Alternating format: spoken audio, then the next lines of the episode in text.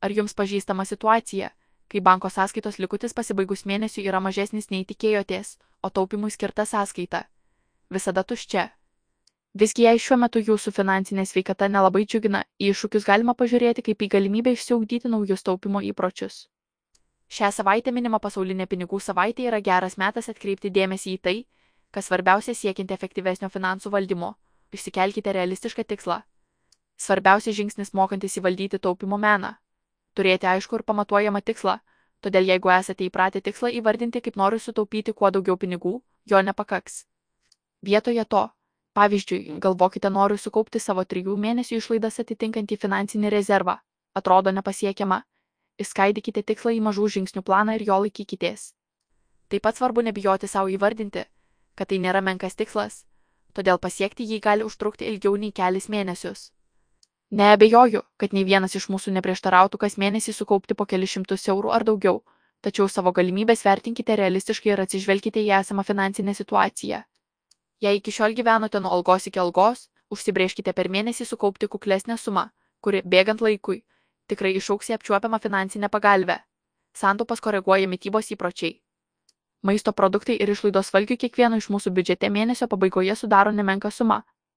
O patogus įprotis kasdien pietauti kavinėje ar savaitgaliai susisakyti maisto į namus šias išlaidas išaugina dar labiau. Pavyzdžiui, penkis kartus per savaitę valgydami dienos pietus su 7 eurus išleisite 35 eurus, kuriuos be didelio vargo galėtumėte atsidėti taupimui. Pradėkite augdyti įprotį kas vakarą pasigaminti pietų dėžutę, kurią kitą dieną galėtumėte nusinešti į darbą. Be to, esame įpratę įsigyti kai kuriuos to paties prekį ženklo maisto produktus, nebūtinai atkreipdami dėmesį, kai bėgant laikui pasikeitė jų kaina. Į tai vertėtų atkreipti dėmesį ir apsiperkant didesniuose prekybos centruose tikrai galite rinktis į skirtingų prekės ženklų gaminių, kurių kainos ir kokybės santykis jūs tenkintų. Spintos atnaujinimas - į naudą ir gamtai, ir piniginiai, keičianti sezonams, ypač pavasarį, kyla noras atsinaujinti drabužinę, nors seni rūbai dar puikiai tinkami dėvėti. Jau seniai žinoma, kad tekstilės pramonė yra viena iš taršiausių pasaulyje, todėl kas kartą pagalvojus neturiu ką apsirengti, nereikėtų skubėti į parduotuves ar ieškoti naujų drabužių internete. Vietoje to nenešiojamus rūbus prikelkite antram gyvenimui juos parduodami kitiems, o už gautą sumą įsigykite apgalvotą pirkinį iš antrų rankų. Taip neišleisite papildomų pinigų ir busite patenkinę poreikį atnaujinti spintą. Be žinomų drabužių prekybos ir mainų platformų pastaraisiais metais itin išpopuliarėjo paskyros socialiniuose tinkluose, kur žmonės pardavinėja kokybiškus drabužius ir daiktus iš dėvėtų drabužių parduotuvių. Panaršiai tikrai atrasite jūsų stilių atitinkančių pasirinkimų. O jei atrodo, kad tikrai neturite ką apsirengti, prisijunkite prie visame pasaulyje populiarios tendencijos SHOP mytlos ateljė apsipirkti savo spintoje. Jos esmė - iš naujo pažvelgti į savo drabužius, iš jų formuoti naujus įvaizdžius ir taip mažinti vartojimą dėlioti drabužių derinius ir juos įsaugoti galite net ir virtualiai, populiarioje platformoje Vherink.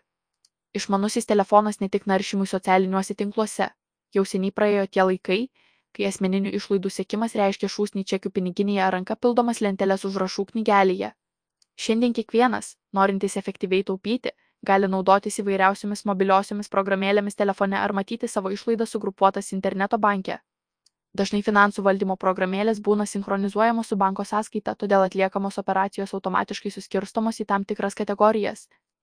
Vartotojas taip pat gali gauti priminimą apie sąskaitų apmokėjimą. Keli tokių programėlių pavyzdžiai - GoodBudget, Mint, PotsketGuard. Asmeninių finansų valdymo įgūdžių mokytis niekada nėra per vėlu, kaip ir nevėlu juos tobulinti.